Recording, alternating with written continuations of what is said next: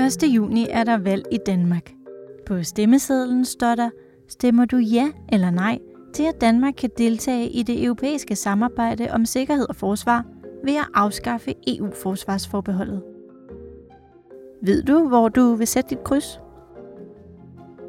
I det her sidste særafsnit af historien om EU ser vi nærmere på, hvad EU's forsvarssamarbejde indebærer, og gennemgår fire vigtige områder for at se nærmere på, hvilke argumenter der er for og imod afskaffelsen af forsvarsforbeholdet. Jeg hedder Pernille Glise Andersen. Jeg kommer fra Travers, som har produceret de her afsnit i samarbejde med Foreningen Demokrati i Europa. Der er givet økonomisk støtte til podcasten fra Europanævnet. Nu kaster vi os ud i de fire områder, vi har udvalgt, og ser nærmere på argumenterne for et ja og for et nej. Det første område er noget, vi alle har hørt om, nemlig krigen i Ukraine. Ruslands krig mod Ukraine har betydet, at EU for første gang nogensinde er gået sammen om at sende våben afsted til et land under angreb. Samtidig har EU vedtaget historisk hårde sanktioner mod Rusland. På trods af vores forsvarsforbehold har Danmark godt kunne være en del af det modsvar, EU har givet Rusland, fordi det er noget medlemslandene ekstraordinært har besluttet at gå sammen om. Alvoren bag de ting, EU har besluttet at gøre for at støtte Ukraine, viser med al tydelighed, at verden er forandret. Nu ved vi, at Rusland kan finde på at gå i krig i Europa. Der er et bredt flertal blandt de politiske partier, der er enige om, at fordi verden nu er forandret, så kræver det en forandring i dansk forsvars- og sikkerhedspolitik. Spørgsmålet er, hvordan? Ja, siden mener, at vi i Danmark skal være med til at udvikle EU's forsvars- og sikkerhedspolitik på lige fod med de øvrige medlemslande. EU's forsvarssamarbejde skal være et stærkt supplement til NATO. Samtidig er det vigtigt for jer siden, at vi med en afskaffelse af forsvarsforbeholdet sender et signal til både EU og resten af verden om, at vi vil være med til at forsvare vores demokratiske værdier.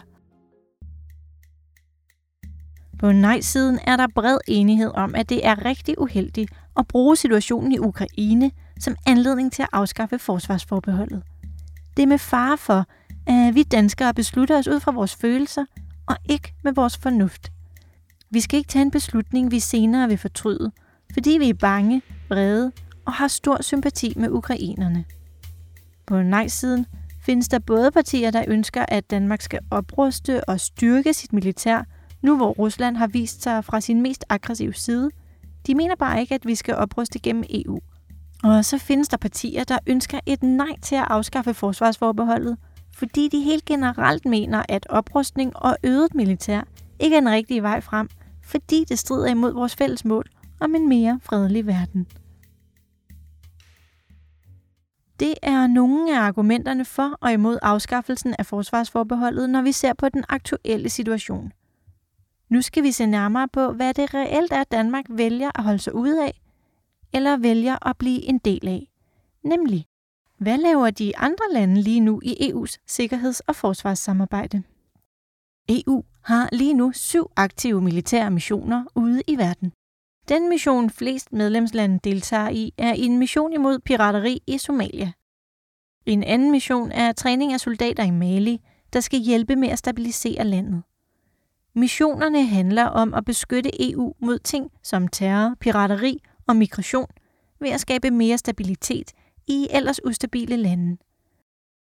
Ustabilitet kan både danne grobund for terrorisme og skabe situationer, der sender flygtninge mod EU's grænser, og det vil EU gå langt for at undgå. Det er kun muligt at sætte gang i en militær EU-mission, hvis alle medlemslandene er enige om, at det er en god idé og det er frivilligt for de enkelte medlemslande, hvilke missioner de vil være med i. Danmark kan med sit forsvarsforbehold hverken stemme for eller imod en mission, og kan naturligvis heller ikke deltage. I EU er der også en anden udvikling, vi i Danmark ikke er en del af. Og det er faktisk noget, vi ikke så ofte hører om. Måske fordi det jo hurtigt bliver lidt teknisk. I 2017 oprettede EU PESCO – PESCO er en forkortelse for Permanent Struktureret Samarbejde. I PESCO kan landene gå sammen i mindre grupper og udvikle eksempelvis våben. Der findes hele 60 projekter i PESCO-samarbejdet. Det er projekter, hvor landene samarbejder om blandt andet cybersikkerhed, sikkerhed til havs, overvågning af det ydre rum, forskning og militær mobilitet, altså det at kunne flytte militær grej rundt imellem EU-landene. Og der er mange andre ting blandt PESCO-projekterne. Danmarks regering har ingen konkrete planer for, hvilke dele af PESCO-samarbejdet Danmark skal være en del af, hvis forsvarsforbeholdet bliver afskaffet.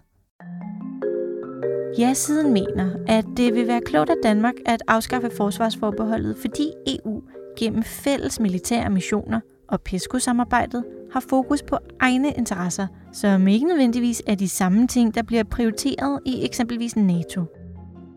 USA har som det stærkeste NATO-medlem ikke de samme interesser i EU's nærområde, og derfor skal EU selv tage på militære missioner og styrke en fælles militær udvikling. På nej-siden er der dem, der mener, at vi allerede fint kan tage os af vores danske forsvars- og sikkerhedsmæssige interesser igennem vores NATO- og FN-medlemskab, der har mange projekter og missioner ude i verden. Vi kommer længst med at samle vores penge og energi i de projekter og samarbejder, vi allerede er en del af. Danmark kan i øvrigt deltage i EU's civile missioner, uanset om vi har et forsvarsforbehold eller ej. Det er altså de EU-missioner, vi kan være med i, uden at have et våben i bæltet. Der har blandt andet i mange år været en civil mission i Ukraine, som Danmark har deltaget i. Det er den type missioner, der øger stabilitet og sikkerhed i svage stater ved at styrke retsvæsenet, politiet, grænsesikkerhed og den slags. Der findes i øjeblikket 11 af den type civile EU-missioner, blandt andet i Ukraine, Kosovo og Irak, og en del af dem er Danmark allerede med i.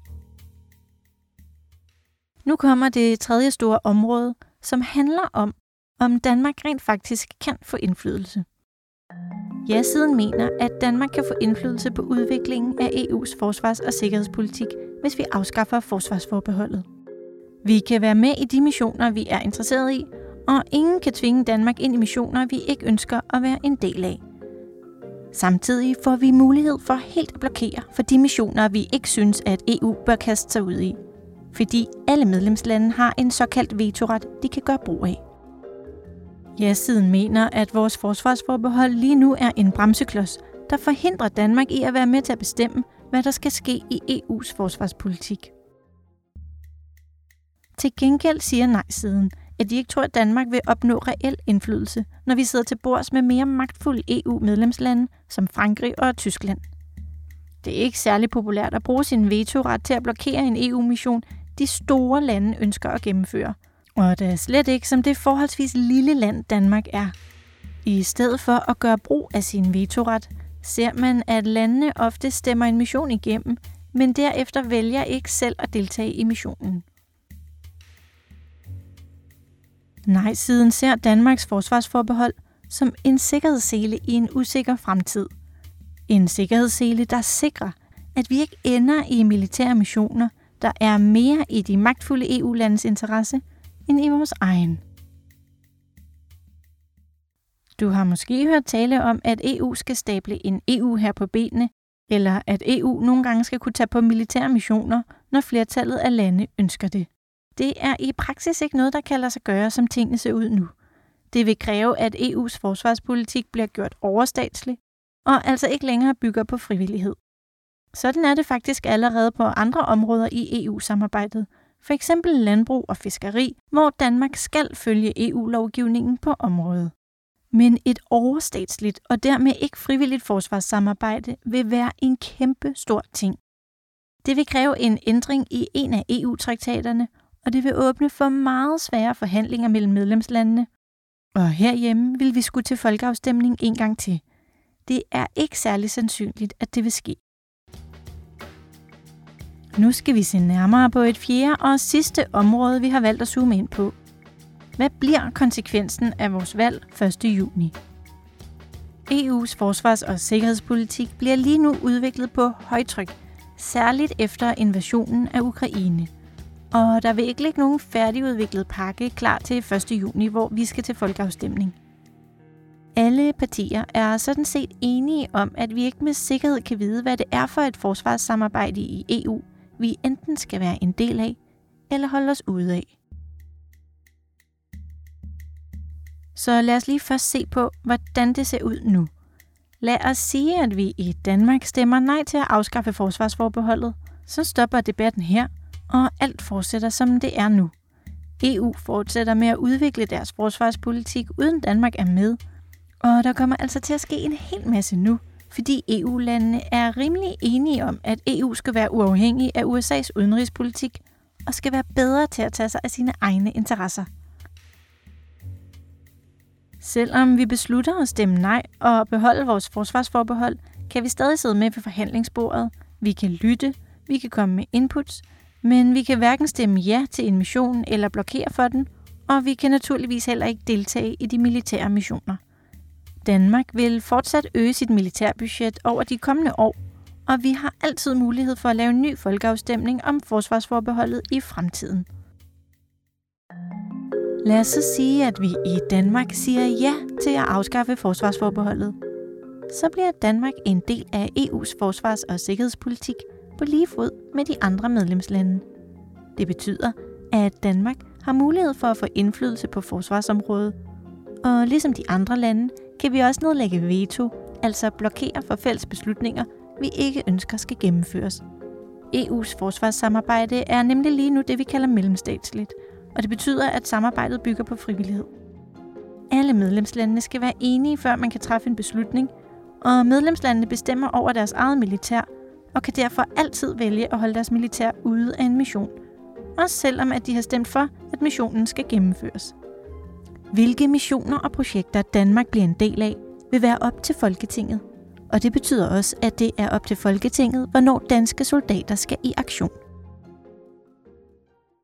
Og det var faktisk det, vi havde. Der findes et hav af argumenter, og det her var en gennemgang af fire vigtige områder i debatten om forsvarsforbeholdet.